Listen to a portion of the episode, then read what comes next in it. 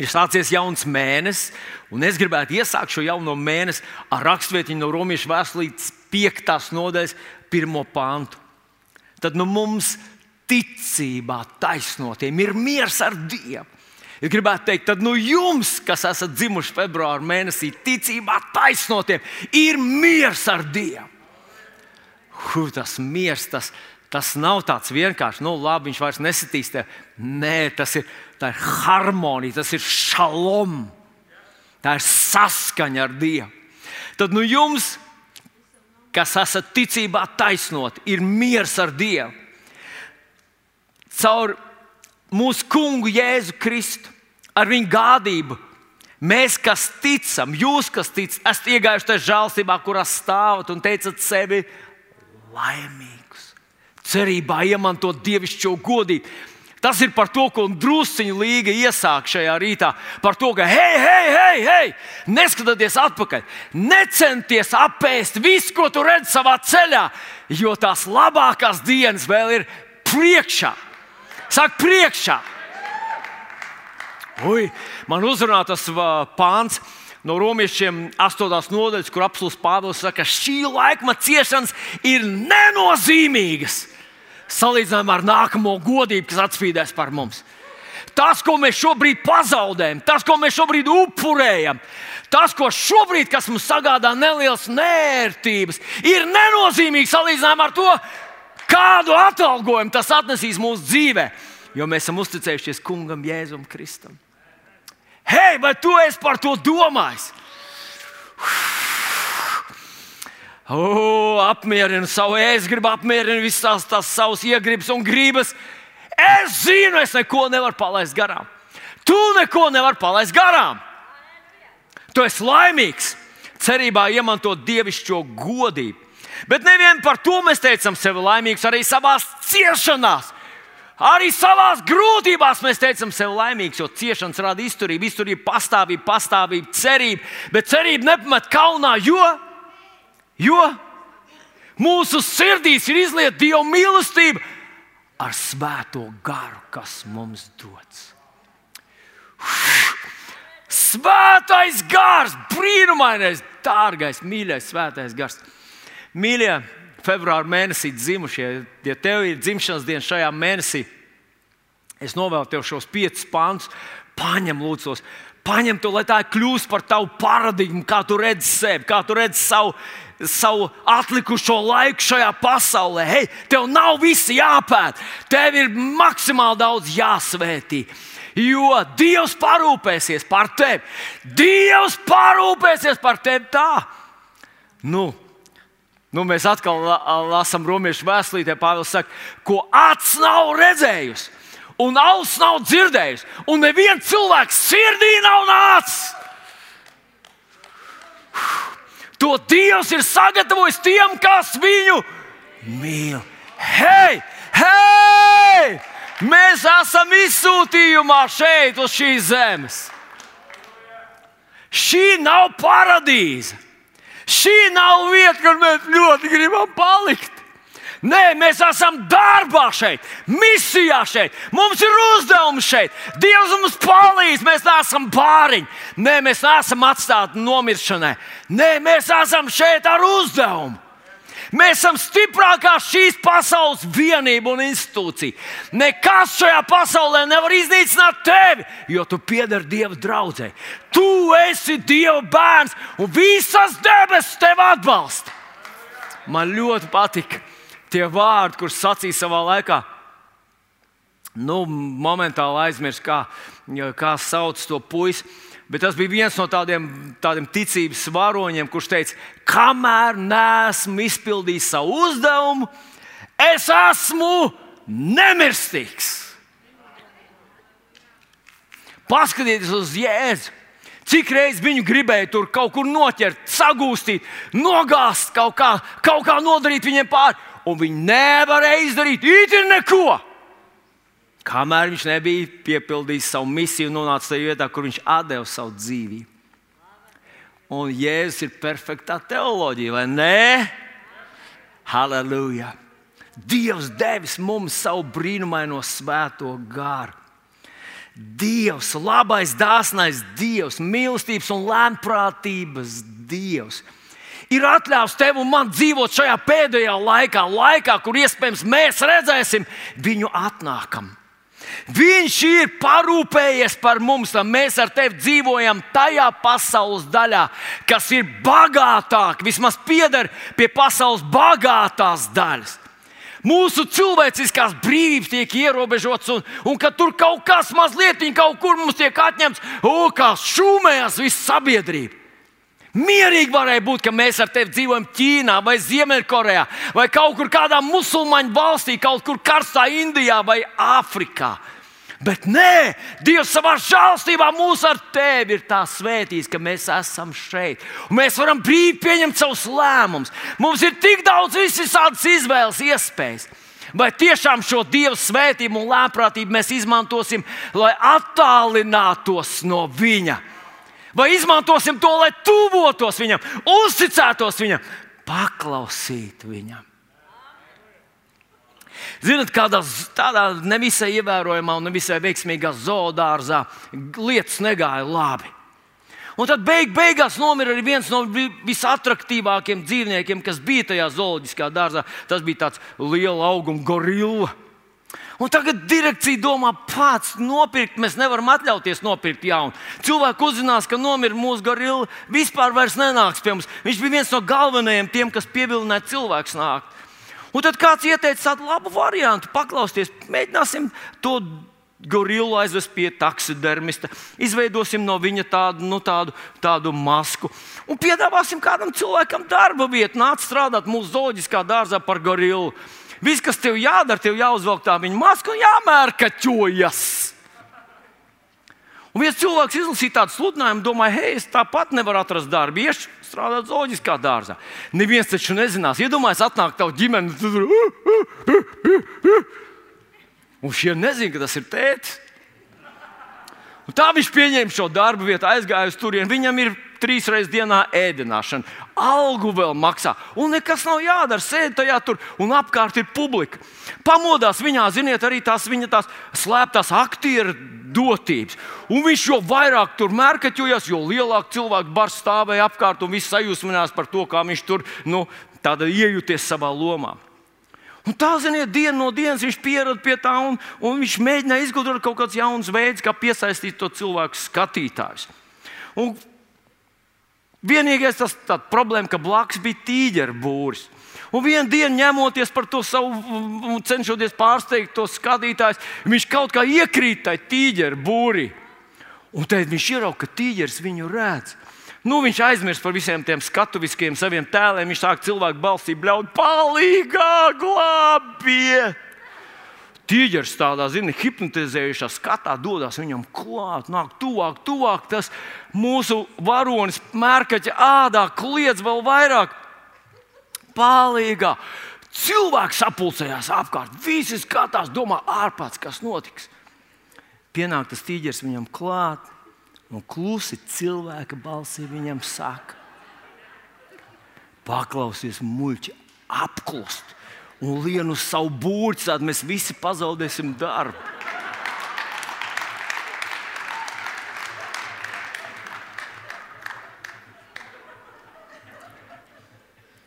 Vai nav tā, ka dažreiz arī mēs, ilgojoties pēc aplausiem, pēc laikiem, pēc cilvēku tādas, nu, tādas labvēlības. Mēs nedzīvojam to, kas esam. Mēs neizdzīvojam to Dieva debesu, doto identitāti. Mēs cenšamies pielāgoties, pakārtoties tā, lai cilvēkiem esam patīkami. Kas man šķiet, ir, ir garām. Vispirms tas rada tādu milzīgu diskomforta sajūtu, vispirms jau mūsos pašos. Un kā tas ir ar mūsu debesu tēvu? Viņš ļoti gribēja, lai mēs esam šajā pasaulē viņa bērni, lai mēs spīdām viņa gaismu, lai mēs ietekmējam cilvēkus ar viņa mīlestību. Tāpēc viņš mums deva savu svēto garu, par ko mēs runājam jau visu janvāra mēnesi. Līdz pat šai dienai. Jāņa 16 nodaļā, Jāņem Jāņa 16. nodaļā, Jēzus saka, tas jums par labu, ka es aizēju, jo, ja es neaizietu, aizstāvs nenāk pie jums. Vai, jūs, vai mēs to saprotam, vai tu to saproti, ka Dievs visu centās izdarīt tev par labu? Tas nav tā, ka viņš savā augstajā zelta ledus troni izdomāja savu schēmu un vienkārši bīdi viņu, neskatoties ne uz ko. Jēzus saka, tas viss ir tev, tas viss lai tev, tā viss lai tev būtu patīkami, lai tev būtu ērti, lai tev būtu sasniedzami, lai tu varētu, lai tev izdotos. Protams, mums ar tevi jāsaskarās ar meliem, ar visu pasaules lielāko sazvērnieku meli, kas ir vēlns. Viņš ir piepludinājis visu pasauli ar meliem. Atklāsmes grāmatā ir tas pāns, kur rakstīts, ka viņš, kurš pieviļ visu pasauli, viņš pieviļ inteliģents un analfabēts, viņš pieviļ jaunus un, un vecus, viņš pieviļ talantīgus un dundukus, viņš pieviļ vīriešus un sievietes, jauniešus un politiķus un mežstrādniekus un lauksaimniekus. Viņš pieviļs ir visus. Vienīgos, kurus viņš nevar pievilkt, ir tos, kas dzīvo Kristus patiesībā, kas patiešām tā nesautīgi, neatlaidīgi dzīvo Dieva vārdā. Tos viņš nevar pievilkt. Mums jātiek ar viņa meliem galā, un Dievs arī to ir gribējis mums palīdzēt. Viņš ir sūtījis savu patiesības garu. Tātad mierinātājs, aizstāvs, iepriecinātājs, vadītājs, spēka avots un skolotājs ir dots mums katram. Mēs visi gribam, lai viņš mums būtu blakus. Bet tas, tas mazais noslēpums, ka viņš ir. Jā, bet mēs gribam dzirdēt viņa balsi. Man, man atmiņā ir svaiga atmiņā Dāvida dievkalpojums, kad viņš runāja par izmainīto GPS, uzlaboto GPS sistēmu. Kad Dievs mūs vada caur liecību sirdī. Un šodien man gribētos tavu uzmanību pievērst arī tam, nu, kā tad svētais gars mūs vada. Tātad mierinātājs. Viņš mierina, aizstāv, viņš iepriecina, iepriecina. Normāls, normāls, klasisks, veselīgs Dieva bērns ir priecīgs. Bet viņam visu laiku labi iet. Nē, viņam neiet visu laiku labi. Jēzus zināja, ka nebūs visu laiku ļoti labi. Viņš teica, šajā pasaulē jums būs kas? Kas? Kas būs? Oh, mēs esam pārsteigti, kāpēc notika tā, vai kāpēc, kāpēc tas covid, kāpēc šī tā, kāpēc augsts, kāpēc sniegs. Jā, nu, ziniet, viena vien šīs ziemas diena gadījās tā, ka es biju šeit līdz vakaram, nu, draudzē. Un tad vakarā es braucu uz māju, un izrādījās, ka šeit bija sagāzts sniegs. Nu, nu, nu, kad, kad varbūt 15, varbūt es pārspīlēju, bet nu, tas pamatīgs sniegs. Un izbraucu uh, 10 km no šejienes Tur nebija vispār nebija snīdzis. Un es tā pie sevis pajokoju. Laikam Rīgas sētnieki ir kaut ko apgrēkojušies. Un Rīgā uzgāz viņiem, un tepat man mājās nebija jātīra nemaz. Un tad mēs brīnamies, kāpēc tā, kāpēc kaimiņam nav jātīra, man ir jātīra. Dievs, kāpēc tādas bēdas? Šajā pasaulē būs bēdas, sniegs un, un, un tā tālāk. Halleluja! Daži, kas te sēž, noteikti dusmojas par ko tu runā. Sniegs ir svētība, mēs tiekam uz kalnu virsmu. Es jau zinu, mēs esam ļoti dažādi cilvēki. Ir sniega nīdē un sniega mīlētāji. Bet mēs mīlam viens otru. Vai, vai, vai jūs piekrītat man? Jā, Jā slava Jēzum! Šajā pasaulē mums būs bērns, bet Viņš mums ir devis savu svēto garu, un svētais gars mums palīdz. Bet atļaujiet man parādīt jums kādu ļoti zīmīgu, zīmīgu patiesību, kur kādreiz mēs palaidām garām, kur ir ļoti liela jēga. Jāņem viņa 14. nodaļā, 16. un 17. pāns, Jēzus mums saka tādus vārdus. Un es lūgšu Tēvu, viņš dos citu aizstāvu, lai tas būtu pie jums mūžīgi patiesības garu, ko pasaule nevar dabūt, tāpēc, ka viņi to neredz un to nepazīst, bet jūs to pazīstat, jo viņš pastāvīgi ir pie jums. Un revidētais teksts saka, mājo jūsos, bet īstenībā visos citos tekstos rakstīts nākotnes izteiksmē. Viņš mājos jūsos. Jo svētais gars vēl nav mācekļi, pār mācekļiem nonācis. Viņš nonāks vasaras svētku dienā un mājos jūsos. Bet ievērot tos zīmīgos vārdus, mājos, jūsos, mājos, jūsos, mājos, jūsos. Ziniet, lasot šo pantu, es viņu esmu lasījis desmitām reizēm no galvas, un es zinu viņu no galvas, un esmu sev citējis, un, un, un, un tā tālāk. Kāpēc es to saku? Un kādam varbūt liekas, re, nu, ko tad tu te lielies mācītāji, ka iemācījies pantiņu? Es negribētu ar to lielīties, vienkārši gribu, lai tu saproti, ka ar vārdu ir jāstrādā, ka tam jābūt kā maizītei. Katru rītu mēs ēdam maizīti, vai ne? Tu vakarēdi, aizvakarēdi, jau, jau 60 gadus varbūt ēd, bet ne 61. tu atkal gribi kaut ko ēst. Kāpēc? Jo tev vajag enerģiju, lai tu dzīvotu. Ja es teicu, ka cilvēks nedzīvo no maizes, viņš dzīvo no, no Dieva vārda. Tāpēc es to pieminu. Bet ievērot, viņš mājos jūsos. E, lasot ebreju vēstuli līdz 3. nodaļas 7. pāntu, man pēkšņi atvērās tā tāda aina. Un, ko mēs tur lasām? Ebrejiem 3, 7. Tāpēc, kā svētais gars saka, šodien, ja dzirdēsiet viņa balsi, neapcietiniet savas sirdis, kā sarūktinājumā, kārdināšanas dienā, tūkstnesī, kur jūs tēvi mani kārdinājuši pārbaudīdami. Mēs varētu lasīt vēl tālāk. Viņi dzīvoja brīnumā. Viņi staigāja zem brīnuma.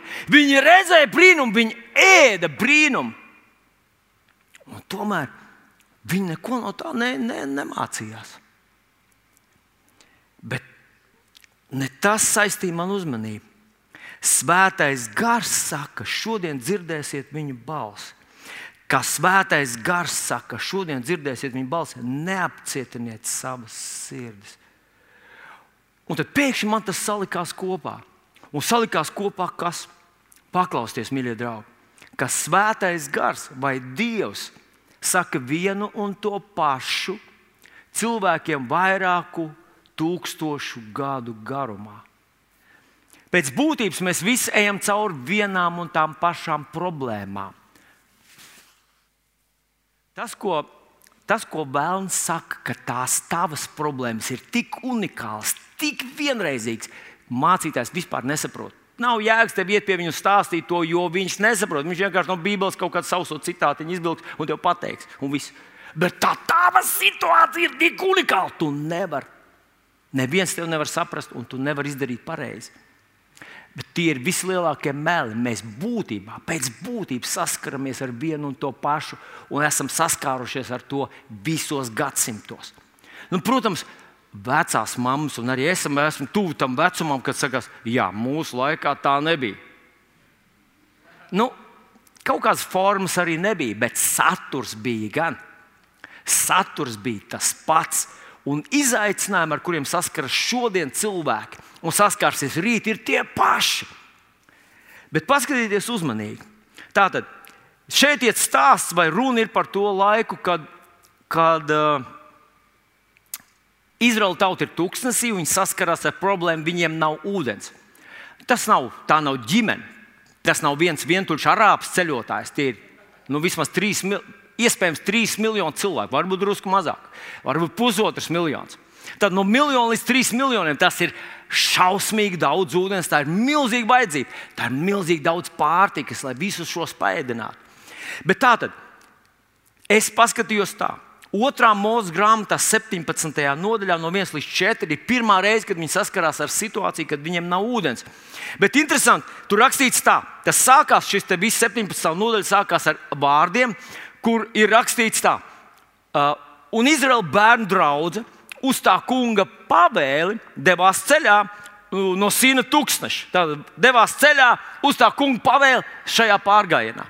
Kā jūs domājat, ja Dievs viņiem pavēlēja iet uz turieni, vai viņš padomāja par to, ka viņiem vajadzēs ūdeni?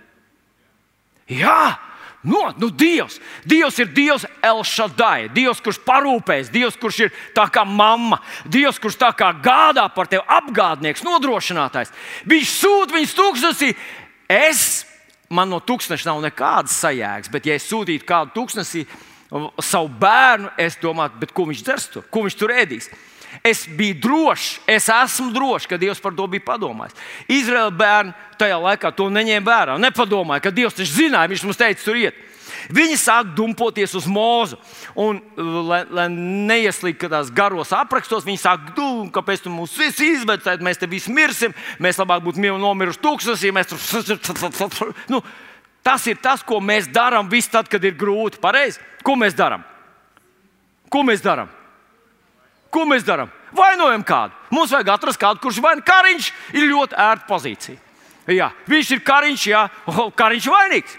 Ja, ja kariņš, tad vēl kāds, kas tur ir, vēl kaut kur tur augšā, tie visi tie, tie ir visi tie, tie, tie riebīgie un sliktie, un te, viņi ir vainīgi. Arī toreiz cilvēki domāja tāpat.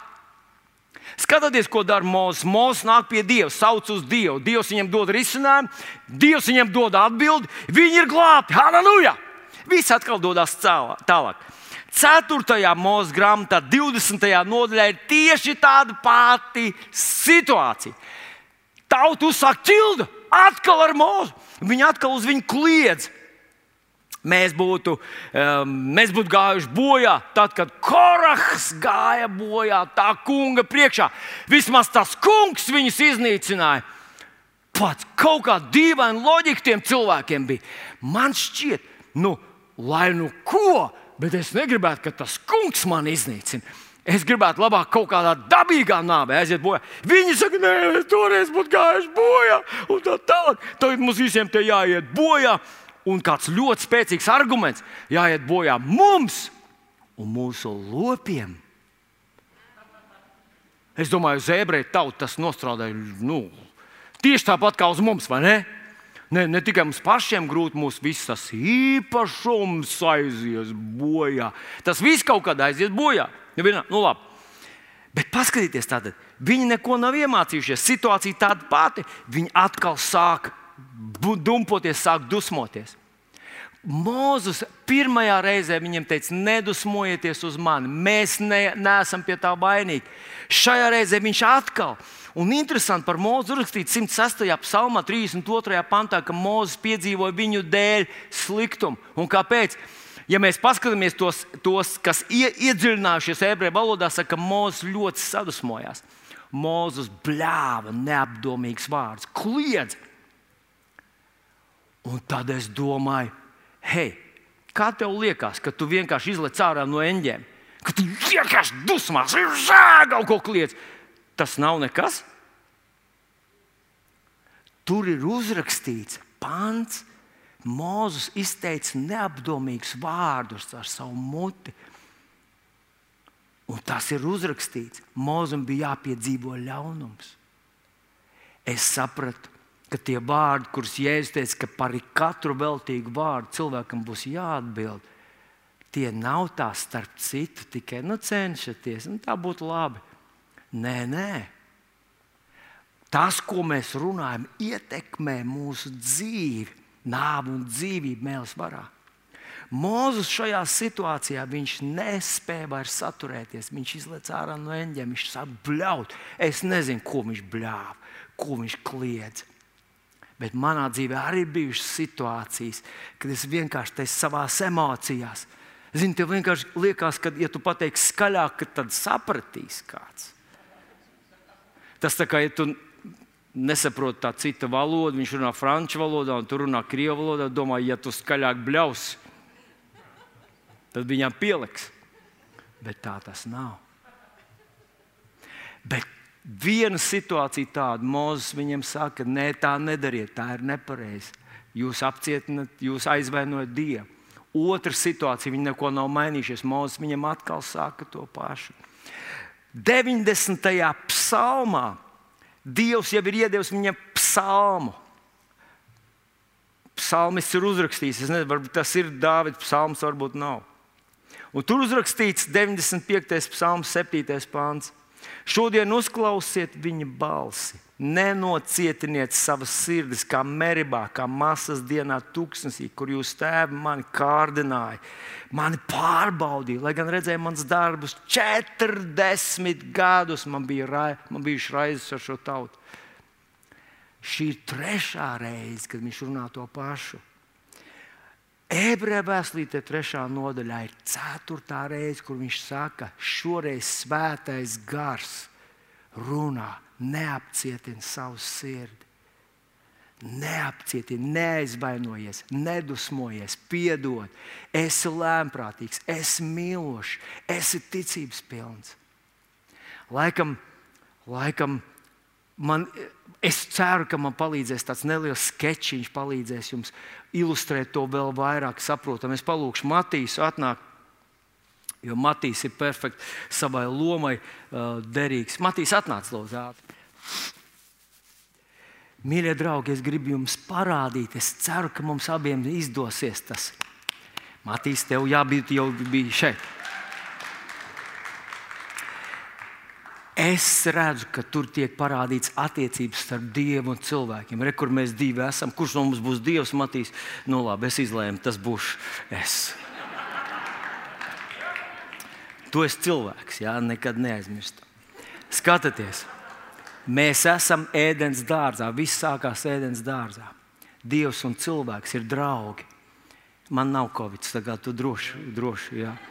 Viņi ir draugi, viņi runājas kopā. Viņi, viņi, cilvēks ir Dieva pilnvarotā persona. Cilvēks ir iemesls, kāpēc Dievs radīja visu šo kosmosu, šo zemi cilvēks ir tāds Dieva mīlestības avots, ka Dievs meklē cilvēku. Nevis cilvēks saka, ej, kur tu esi, kas šo stāstu dārzu stādījis, bet Dievs meklē viņu.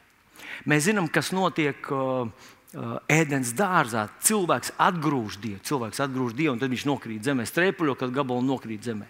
Pagaidām, atgrūž, jā, un krīt bums. Tā tas notiek ar cilvēku. Cilvēks aizgāja no dieva, nevis dievs aizgāja no cilvēka.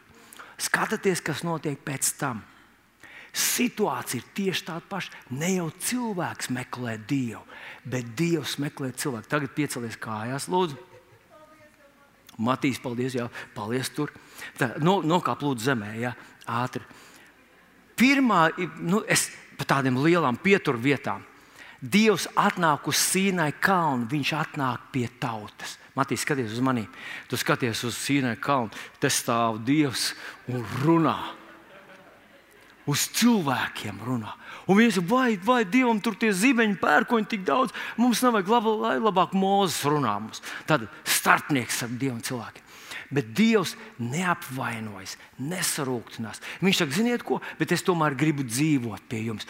Uztaisiet man arī telti, un tajā telšu nometnē ir telts, kurā dzīvo Dievs. Tā ir atkal Dieva ideja. Viņš grib būt pie viņiem tuvāk. Skatieties, kas notiek tālāk. Pēc tam mēs lasām, Izraēla tauta nonāk apsolītajā zemē. Dievs saka, Dāvidam uzcēl man namu, bet uzceļ, nu, piedodiet, Salamans uzceļ namu. Un Dievs atkal grib dzīvot pie cilvēkiem.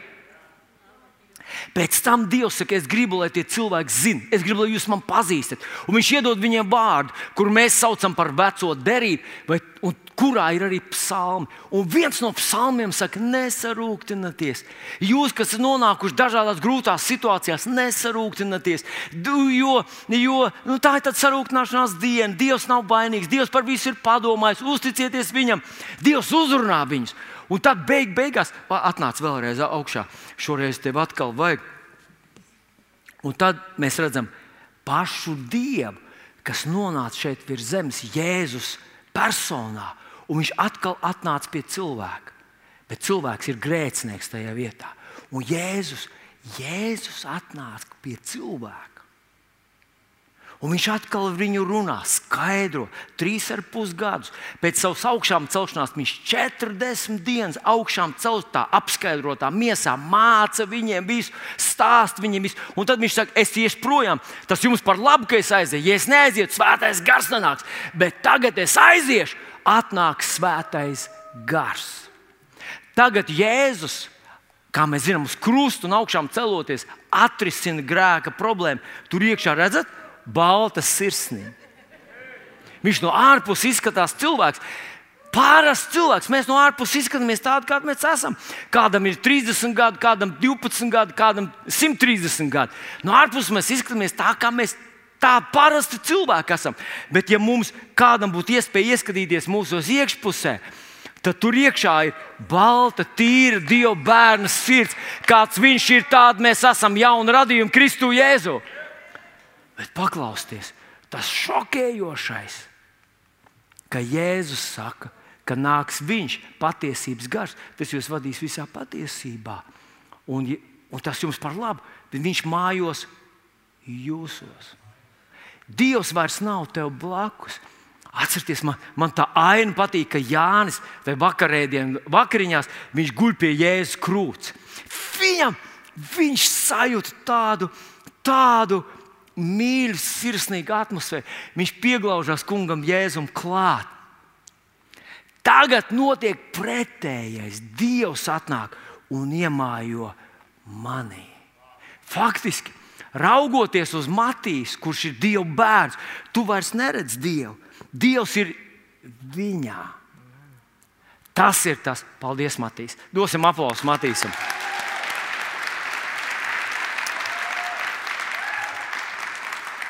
Tas ir tas, ko mēs redzam, ka viņš saka, ka viņš mājos jūsos.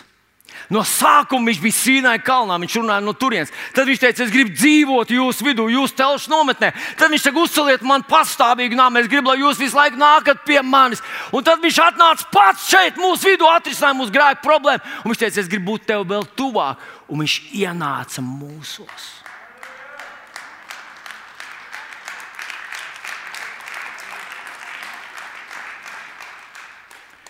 No sākuma Mozus teica viņam, hei, mīļie draugi, nesarūktinamies, neviļamies, nebaidamies, um, um, nedusmojamies uz cilvēkiem, nevainojam cilvēkus. Nē, nē, Dievā ir mūsu atbilde, Viņš ir mūsu visu atbilde. To sacīja Mozus. Vēlāk viņš to vēlreiz saka. Pēc tam Dievs to iedeva psalmos. Katrs var izlasīt, ko Dievs viņam saka. Lūdzu, nesarūktinies, nevilies, ne, nu, neaizej no Dieva. Iemīli viņu, uzticies viņam beig beigās atnāk Jēzus un saka tos pašus vārdus. Un pēc tam viņš ieliek mūsos, aizstāv skolotāju, mierinātāju, kurš saka tev, nesarūktinies, uzticies, mīli to cilvēku, piedod viņam. Vai tu to esi dzirdējis? Sevī viņš runā tevī. Un, ja tu man saki, ka tu to neesi dzirdējis, es domāju, ka tu neesi īsti godīgs. Jo katrs Dieva bērns dzird sevi svētā gara balsi, kad viņš tev saka un atgādina, ko Jēzus ir sacījis. Ko Jēzus ir sacījis. Svētais gars manī, bet man ir vēl kaut kādas citādākas balsis. Jā, jā, jā. bet arī svētā gara balss runā tevī, dziļi, dziļi tevī, tavā būtībā. Bet man jāatgādina vēl viena lieta, kas manuprāt, uh, līga. Mums bija tikšanās ar mācītāju ceturtdienu, un, un es klausījos to, un viņi izteica tādu interesantu domu. Ka šie Jēzus vārdi, kur viņš teica, Matei 13. nodaļā, pravietis netiek cienīts savā dzimtenē un savā tēva namā. Viņš teica, ka mēs necienam to Dieva balsi, kas runā mūsos. Un tas trāpīja man. Jā, Dievs tev ir iedevis savu svēto garu, un Viņš tev uzrunā. Bet mēs viņu necienam. Mēs gribētu, lai viņš mums saka, kur nauda atrodas. Mēs gribētu, lai viņš mums saka, kur var dabūt bezmaksas biļetes uz Turciju, viss apmaksāts, all included. Mēs gribam, tad mēs novērtētu to. Bet viņš saka, tev bija vērtīgākā ir tavs sirds. Ne kuģis, bet sirds. Ne tavs maks, ne tavs miesa, kur tu viņu kaut kur aizvest un palutinātu. Viņš saka, tavā būtībā dārgākā ir tavs sirds. Un tāpēc es tev mācās pašas svarīgākās lietas. Un saprotat, ja pravieti neciena, viņš nevar kalpot kā pravietis. Tas svētais gars, ko Dievs tev ir devis. Un viņš tev māca un atgādina, ko Jēzus tev ir sacījis. Un viņa balss ir ļoti pieklājīga, ļoti delikāta, ļoti, ļoti inteliģenta. Viņš tev vienkārši saka, hei, bet tā nav pareizi. Un, un tu dzirdi to, bet ir kaut kas, kas ir tāds, tāds dru, ar, ar ikriem. Es tā saku, ar ikriem mūsu miesu.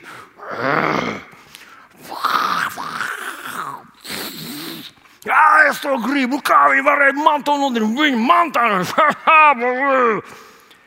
Bet tad, kad ir bailes un izmisums, tad tie paši ikri, tie paši satrakotie zirgi, rausto tavu karietu, pretī, nezinu, uz bēlna paraušanu.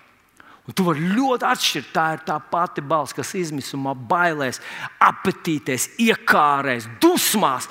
Tā ir tā uzstājīgā balss, kas, ja tu pēc viņas dzīvos, tev tā pazudinās. Tā dieva balss tev ir mierīga, klusa, pieklājīga. Un, ja tu to sāc cienīt, tā tev vadīs, tā tev vedīs. Tā tev pateiks arī, arī tās lietas, kas mums vajadzīgas šajā pasaules. Mums vajag naudu, mums vajag darbu, kad mums ir divi darbi piedāvājumi. Es absolūti ticu, ka svētais gars gribētu tev pateikt, kurš ir tas varbūt sākotnēji nepievilcīgākais, bet beig beigās izvērtīsies labākais. Tikai mēs necienām viņu, kad viņš mums runā par svarīgākām lietām. Un tāpēc, tad, kad viņš dod šo liecību par šīm lietām, mēs nedzirdam arī to vairs. Brīnumainais un brīnišķīgais svētais gars. Kungs, kungs, es gribu cienīt, ka tu man atgādini, es gribu cienīt, ka tu man māci. Bet ļaujiet man tādu, nu, tādu mazu diskrētu atkrāpīt, iztaisīt. Dažreiz cilvēki domā, ka, ja es uzticēšos tam, ko, kas man baltai balsī, kas man sirdī čukst, paklausīt Dievam, tad tā man atstās pliku un nabagu, vāju un nespēcīgu. Visi mani izģērbs un, un izsūks, un es palikšu ne, ar neko. Vai jūs esat dzirdējuši par kādu cilvēku, kuram tā iekšējā balss teica, atdod visu, kas tev ir, noziedot to visu, un Dievs tev svētīs? Un neviens nav tāds cilvēks saticis, bet visi zina, ka tāds ir bijis kaut kur. Tāds ir bijis. Jā, viņam arī kaut kas viņam teica. Redziet, tur jau tā lieta, ka jā, var piestāties kaut kāds tāds, kas tev runā kaut kādas trakas lietas. Un dažreiz tas ir vienkārši no, ka mēs nevaram izturēt laika pārbaudi. Mēs gribam ātrāk, mēs gribam darīt jebko, kaut ko izdarīt, nu, nu, nu, lai rezultāts ir. Tev nav tā kādreiz. Tu gaidi, gaidi, un, tu, un tad kaut ko stulbu izdarīt. Bet tur jau ir kāds svētais gars, tev atgādina, ko Jēzus sacīja.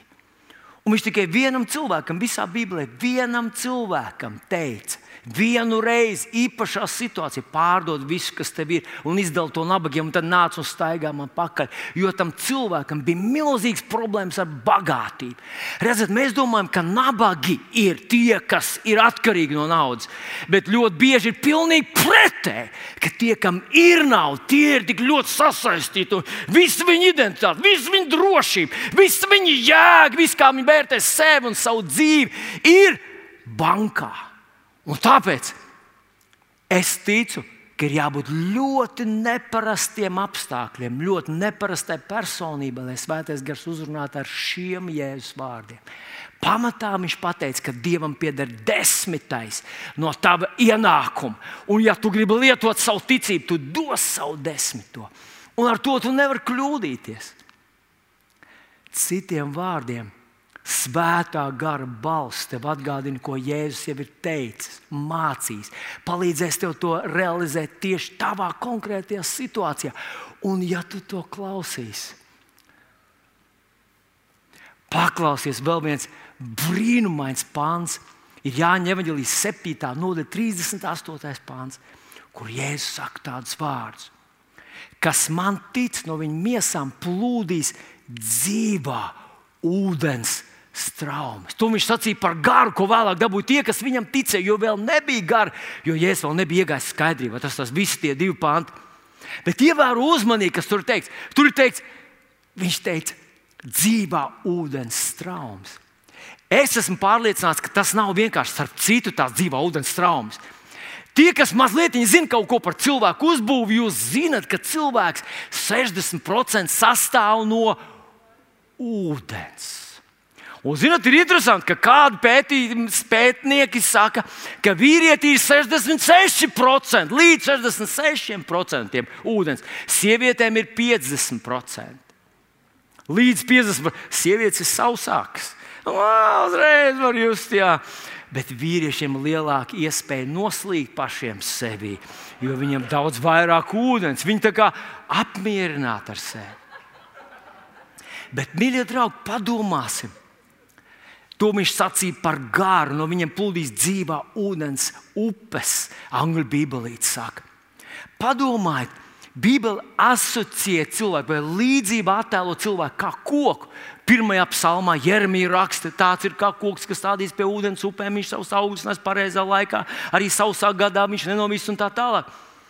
Tas nozīmē, ka svētais gars, ja mēs, viņu, ja mēs viņam padodamies, Ja mēs ticam kungam Jēzum, viņš atnes mums to, kas mums šajā dzīvē ir nepieciešams, lai tu dzīvotu, lai tu būtu veiksmīgs. Apsolus Pēters saka, jums, kas ir dots viss, lai jūs dzīvotu un kalpotu. Nē, svētais gars nepadarīs tevi par frīku, kurš sēž un skatās vienā punktā debesīs un gaida jēzu. Nē, viņš tevi svētīs un vadīs visā šajā dzīvē. Ja tu uzticēsies viņam un paklausīsies kokam, pirms viņš atnes augļus, vispirms to ūdeni vajag pašam.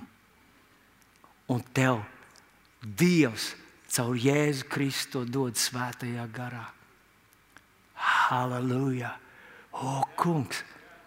Tas nozīmē, ka ja es neklausos svētajam garam, nu, ņemot to analoģiju, tad par 60% mans dzīves spēks, mana garīga izmaiņa, mana izmaiņa veselības līmenis, manas visas tās, kas man ir vajadzīgs, lai es kā personība šajā pasaulē eksistētu, lai es būtu veiksmīgs, lai es būtu veselīgs, lai es būtu priecīgs, lai es būtu nodrošināts un drošs. Tas ir atņemts man. Jā. Visas šīs svētā gara dāvanas, par kurām mēs zinām, ir deviņas svētā gara dāvanas, kalpošanas dāvanas, tas nāk par to pašu kanālu, ka tu uzticies kungam Jēzumam un tad tās darbojas tavā dzīvē. Mīļais, mans brāl un māsa, Dievs pienāca tik tuvu tev, jo Viņš tevi mīl. Viņš ir ņēmis mājas vietu tavā garā, tavā sirdī. Angliski saka, from your belly. Nu, kā, nu, Latvijas tas skan kaut kā nepareizi. No, no, no. Bet kādi ir pētījuši? Viņi saka, ka šeit starp plaušu lokiem, un diafragma ir tāds tukšs, tukš, um, tukša telpa. Ka iespējams, ka tur ir tā vieta, kur dzīvo gars, mūsu gars. Es nezinu, vai tā to var spriest, bet no tavas, no tavas personības centra, no tevis plūš šī dzīvā ūdens straumes uz tevi pašu. Tā dziedināšana, kas tev ir vajadzīga, vai tās dzīvā ūdens straumes ir tas, kas tev ir šobrīd vajadzīgs. Ja tā ir dziedināšana, tev nav jāmeklē tur kaut kur tā ārpusē. Tā ir tevī. Ja tas ir spēks, ja tā ir izturība, ja tas ir miers, ja tā ir vienalga, kas tev ir vajadzīgs, Dievs atnes no turienes, tur, kur augšā tālu viņš bija. Viņš atnāca un ielika to tevī, lai tu to varētu dabūt. Kas man tic, kā rakstos sacīts. Un kas tad rakstos sacīts? Vairākas raksturvietas ir ļoti stipras, bet paklausieties, Iesai 58, 11, arī viena no mīļākajām rakstvietām. Un tas kungs tev vienmēr vadīs un paēdinās tavu dvēseli arī tukšās vietās. Un stiprinās tavs loceklis, ka tu būsi kā auglīgs dārzs un kā ūdens avots, kurā ūdens nekad nepietrūkst. Dievs, paldies tev par svēto garu! Es gribu cienīt šo pravieti manī. Es gribu cienīt tavu klātbūtni, tavu svēto, brīnumaino skolotāju, atbalstītāju, vadītāju, palīgu, spēka avotu. Es gribu cienīt viņu. Un kad viņš man kādreiz tādā sarežģītā situācijā, viņš man saka, nomierinies, nesarūkties, nebilies, piedod, mīli tos cilvēkus, parādi viņiem mīlestību. Es sapratīšu, ka vispirms tas ir vajadzīgs man. Lai es varētu atnest augļus, lai es varētu dzīvot, lai es varētu piepildīt savu misiju, lai es varētu izturēt, lai es varētu saprasties ar viņu. Dievs, paldies Tev! Paldies Tev! Paldies Tev!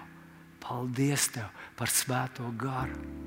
Paldies Tev par svētā gara dāvanu, par vadību, par to, ka Viņš atgādina, un pamāca un palīdz.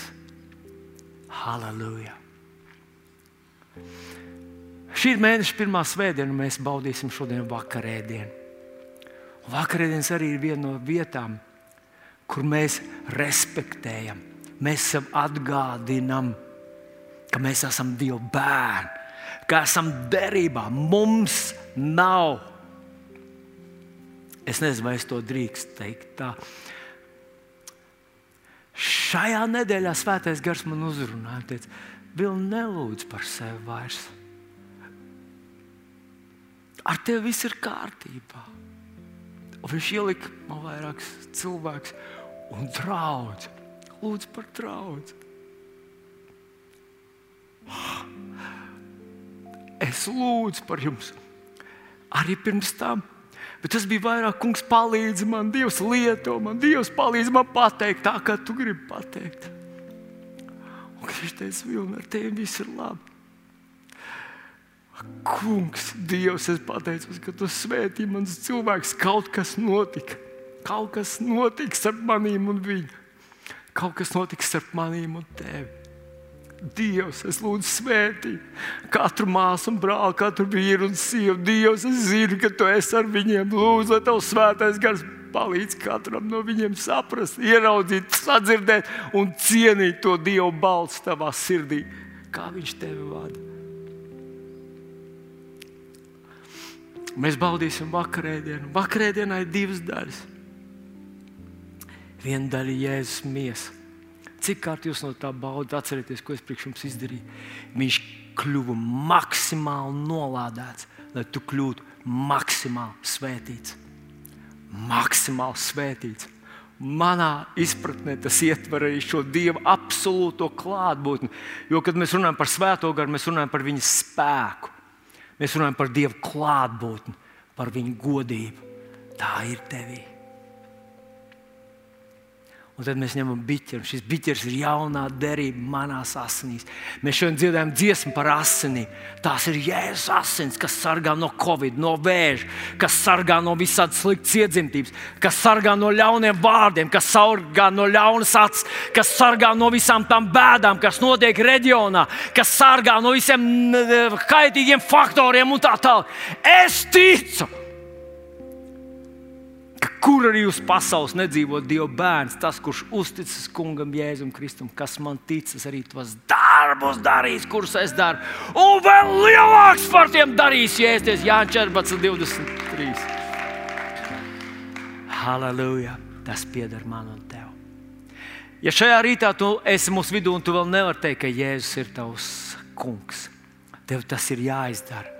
Bez viņa tā cilvēka dzīve ir absolūti nožēlojama, bez nākotnes. Cik arī laba nebūtu bijusi šodien, tu esi cilvēks, un es zinu, es arī esmu. Es zinu, kā tas ir, kad tu atrodies paradīzes vidū, bet saproti, ka tu ēd un dzer, tas kaut kur notiek tev garām un ka tas neaizskar tavu dziļāko būtību. Vienīgi Dievs spēj pieskarties cilvēkam pašā viņa personības un būtības centrā. Un viņš grib tur pieskarties un atrasties tur ar mīlestību. Tev ir jāizvēlas pieņemt Jēzu par savu kungu un atdot viņam visu savu atlikušo dzīvi. Nav vērtīgāk iemesls, kā pavadīt savu dzīvi, tas ir kopā ar kungu Jēzu Kristu. Kā tu vari atrast šo lūkšanu? To atrast mūsu mājaslapā. Ir, ir iespēja uh, atrast šo grēcinieku lūgšanu, kā nākt pie Dieva. Tu vari to izteikt pats, un tad dodies šurp. Un mēs tev, ja tu būsi kaut ko nepareizi pateicis, mēs tev pal palabosim un palīdzēsim to izdarīt bibliski un pareizi.